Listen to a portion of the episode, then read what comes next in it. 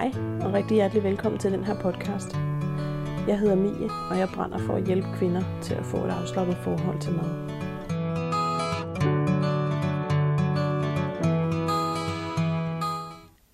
Velkommen til det her afsnit, som i dag handler om madnydelse, og egentlig hvordan du kan få mere madnydelse, altså nyde mere af den mad, som du spiser. Der er ikke nogen rigtig rækkefølge at høre min afsnit i, så hvis du lige er svinget ind fra højre og tænker, hvad pokker er det her for noget, så er det her en podcast med fokus på nuancerne i alt, hvad der handler om sundhed, madvaner, vægttab, kropsfokus og alt derimellem. Og det er egentlig med henblik på at inspirere dig til, hverken at det behøver at være enten eller, men at du skal finde den vej, som der virker for dig. Som sagtens kan være en blanding af lidt af det ene og lidt af det andet. Her er navnet Mellemvejen at du skal finde din mellemvej. Altså, altså, nok om det. Velkommen til, og hvor er det herligt, du har lyst til at lytte med. På min Instagram-profil, og det kan jeg lige så godt lige sige, hvis ikke du kender mit øh, profilnavn, det er mie.lowe, altså Mie Løve, fordi jeg hedder Løve til efternavn. Det fik jeg næsten lige afsløret, men øh, man kan jo ikke skrive ø på Instagram. Så det er Mie Love der snakker jeg rigtig tit om det her med øh, mere madnydelse. Faktisk så meget, så jeg for et par år siden lavede et hashtag, som simpelthen hedder hashtag mere madnydelse. Og det er skønt at se så mange, der er begyndt også at bruge det, så man kan inspirere hinanden med måder at nyde maden på. Og hvad ligger der egentlig i det her mere madnydelse? For mange så er mad nemlig bare noget, der ryger indenbords klokken 7 om morgenen, fordi det bare skal gå hurtigt. Og madpakken den er smurt uden videre tanke for, hvad man egentlig har lyst til. Det skal bare være nemt og hurtigt. Og senere så er der måske forberedt aftensmad, som måske bare er taget ud af fryseren, og ikke rigtig noget, man forholder sig videre til. Måske man lige mærker efter ved aftensnakken, hvad man egentlig har lyst til, men som regel så er det også bare en form for uopmærksom spisning, hvor det bare skal gå lidt stærkt. Så hvis det er sådan, du er vant til at tænke i rigtig mange madsituationer, så kan det måske være et sådan lidt nyt begreb, det her med at gå op i madnydelse. Så hvad er hele ideen egentlig med at være opmærksom på nydelse i maden? For nogen så er det en kæmpe hjælp til først og fremmest at være mere til stede i sin spisning. At man faktisk smager ordentligt efter og er nærværende i måltidet. For andre så er det en god måde at undgå overspisning på. Fordi man på den måde bedre kan mærke efter, hvornår mætheden den egentlig sådan er opnået. Og mæthed, det kan jo i sig selv sådan være lidt fluffy, så man kan også sige det på en anden måde det kan være en hjælp for mange til at finde ud af, hvornår er jeg ikke længere sulten, hvornår er jeg egentlig bare tilpas. Der er så mange faktorer, der spiller en rolle for, hvordan vi så nyder at spise og ikke mindst drikke vores mad. Så det er så absolut værd at eksperimentere med. Og det her begreb, mere madnydelse, hvad ligger der egentlig i det? Hvordan skal det forstås? Det skal forstås sådan, at du skal nyde den mad, du spiser at du skal have mest muligt ud af den oplevelse, det er at spise. At i stedet for bare at spise, bare for at spise, så finder man ud af, hvordan man virkelig nyder den mad, man spiser. Og det kan være sådan nogle bitte små finurlige detaljer, som der er med til at afgøre, hvordan hele oplevelsen egentlig bliver. Ikke kun smagsoplevelsen, men også oplevelsen sådan sansemæssigt af, hvad for nogle farver og teksturer og alt sådan noget. Og hvordan du nyder det, som du så spiser. Lige nu sidder jeg for eksempel med en Pepsi Max i hånden. Og sådan med far for, at det er nødvendigt at sige reklame, selvom den på alle tænkelige måder er selvbetalt, så må jeg hermed hellere lige sige med fed streg under reklame. Nå, men den her Pepsi Max, den havde jeg slet ikke nyt, hvis ikke den var iskold. Så havde jeg faktisk slet ikke givet at drikke den.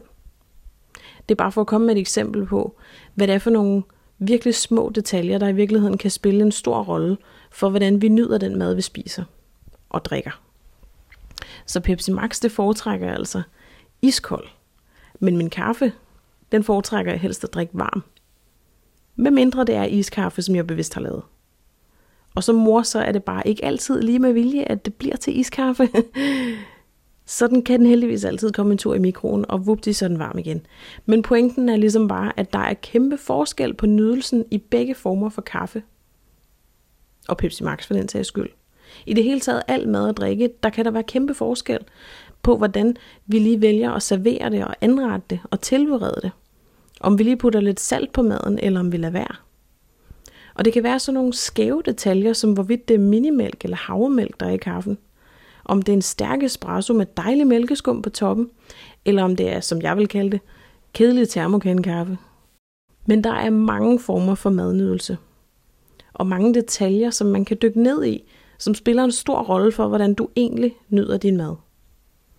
Lige fra, hvordan maden den ser ud, hvad det er for nogle farver, hvad det er for nogle teksturer og forskellige konsistenser.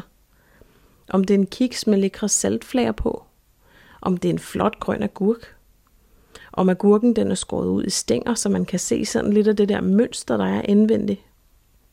Eller om den er revet i små stykker til en tzatziki. Eller som vi siger herhjemme, tzatziki. Jeg kan i øvrigt overhovedet ikke lide hverken agurk eller tzatziki. Og det er ikke for at snakke grimt om agurken, for den har simpelthen ikke rigtig gjort mig noget. Men jeg er bare ikke vild med smagen. Og det er faktisk super ærgerligt, for i rigtig mange forsøg har jeg prøvet nu, for at se, om jeg kunne lide smagen af agurk, fordi smagspræferencer kan jo godt ændre sig i løbet af årene. Så jeg har prøvet mange gange at undersøge, kan jeg lide det nu? Kan jeg lide det på den her måde? Kan jeg lide det, når det er tilberedt på den her måde? Og der har jeg bare fundet ud af, at jeg elsker konsistensen og den der tekstur og den sprødhed, som det har, når man faktisk tager en bid af en agurk. For den giver nemlig sådan en dejlig knas. Den er sprød, den er frisk i det, der er sådan dejlig saft indeni. Og hvis man kan lide det, så er den jo genial at putte i for eksempel en vandkande, fordi den afgiver sindssygt meget smag. Det er så bare rigtig træls, når man ikke kan lide smagen. Så ja, det er altså et super fint eksempel på, hvor mange finurlige detaljer der er med til sådan at definere, hvordan vi foretrækker at spise, og ikke bare spise bare for at spise. Udseendet, det kan også være, om maden den er pænt anrettet på en tallerken. Om der er lidt ekstra farver på. At man eventuelt tilfører lidt ekstra farver, hvis maden den umiddelbart er grå i grå. Og nu vil jeg være ærlig og sige, at jeg håber ikke, du spiser mad, der er grå i grå, sådan meget firkantet. Men altså en leverpostejsmad, den er jo ikke lige frem fuld af farver, med mindre der er rødbede på. Det kan være sådan nogle små ting, som at putte en dusk dild på din æggemad, eller lægge et par basilikumsblade oven på din salat, eller lige lægge et par cherrytomater ved siden af din mad. Sådan så hele billedet, når du kigger ned på din tallerken, det bare lige bliver en my mere farverig. Det er mange små ting, som der sådan lige pifter det hele op. Jeg hørte engang en klog mand sige, det er øjnene, vi ser med først. Og det fortæller jo egentlig meget godt, hvordan vi ofte forholder os til maden. Vi opdager det typisk først, fordi at vi får øje på det. Vi ser maden. Enten fordi det står lige foran os, og så ser vi det i en reklame, eller vi ser det, når vi er ude at handle, eller vi ser den kage, som kollegaen har taget med. Det er lige foran os. Der kan også være tilfælde, hvor man går og fantaserer om maden, men så er det typisk, fordi man lige er blevet mindet om et eller andet, som der får en til at tænke på den her mad. Man kan altså aktivt hjælpe sig selv til sådan at optimere nydelsen i maden, ved for eksempel at gøre lidt ud af, hvordan maden den ser ud. Om det er lækkert og indbydende at kigge på. Om det er noget, som du sådan umiddelbart får lyst til at spise, bare ved at kigge på det.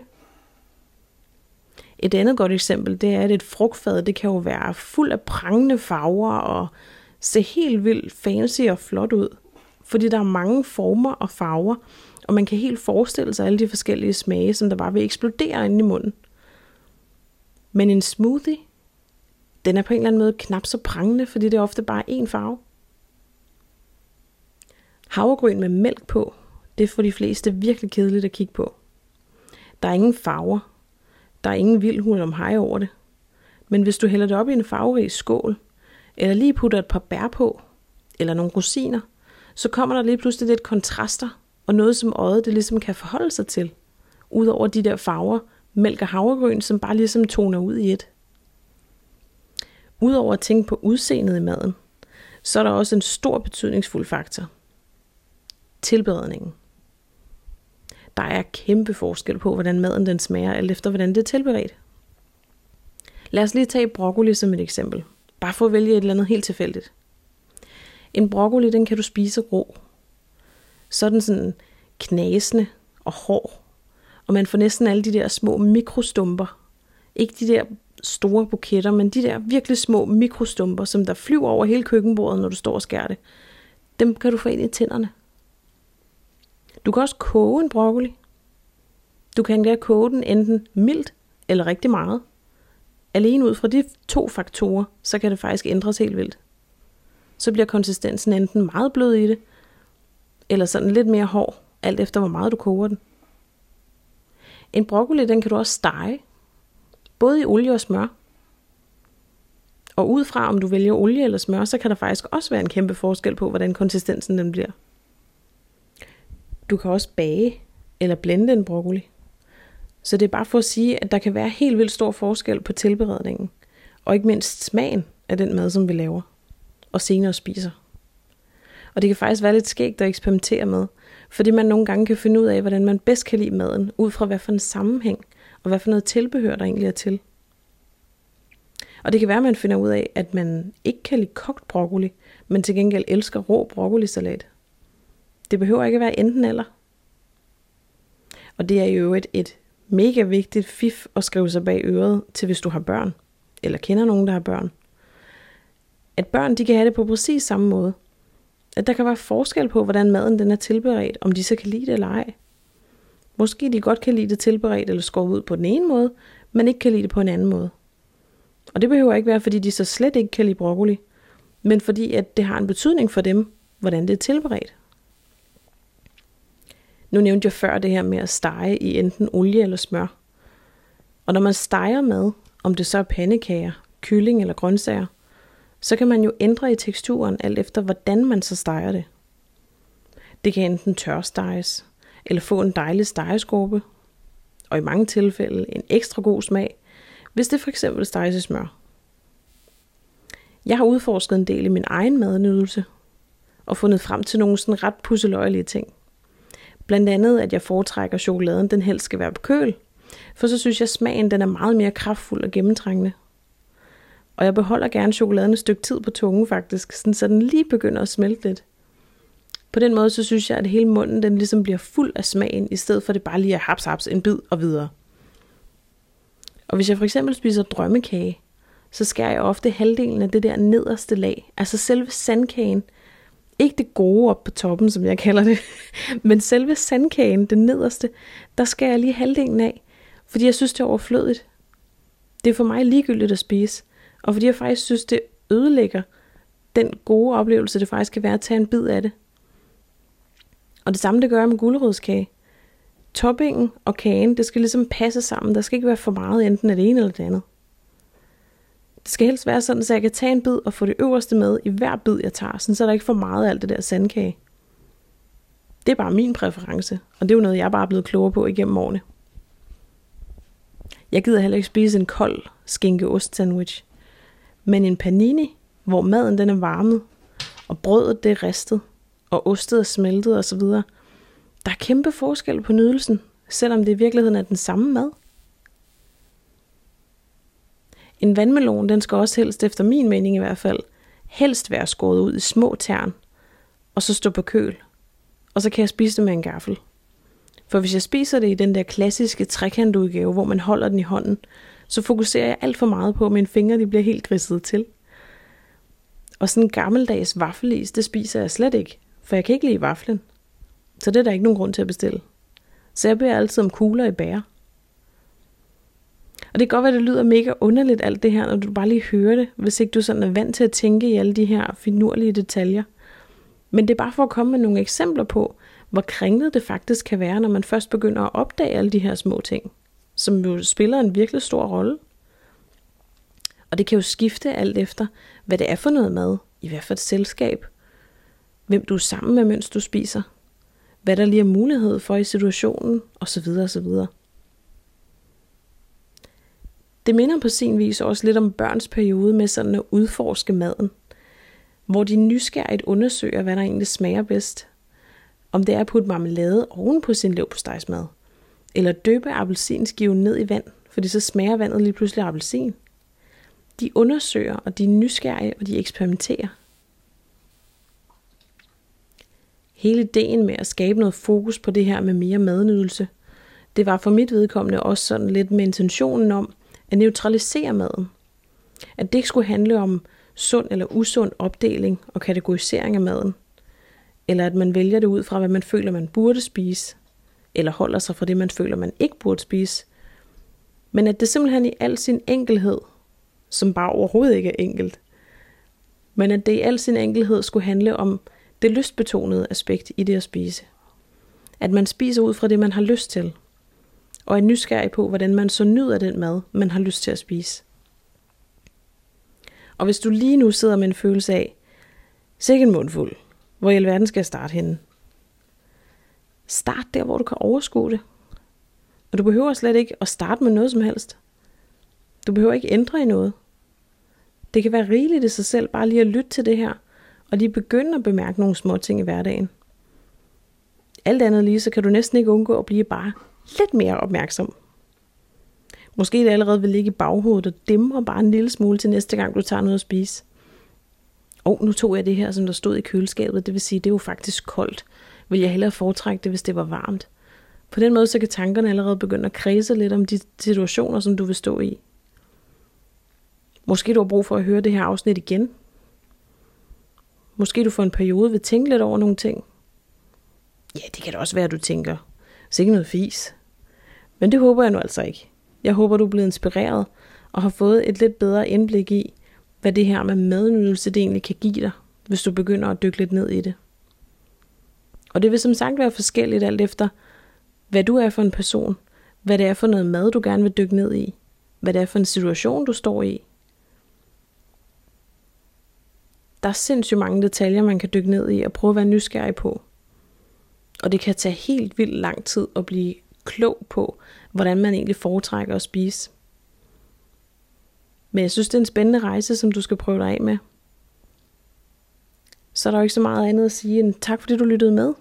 Og jeg glæder mig til, at vi høres ved ved næste afsnit.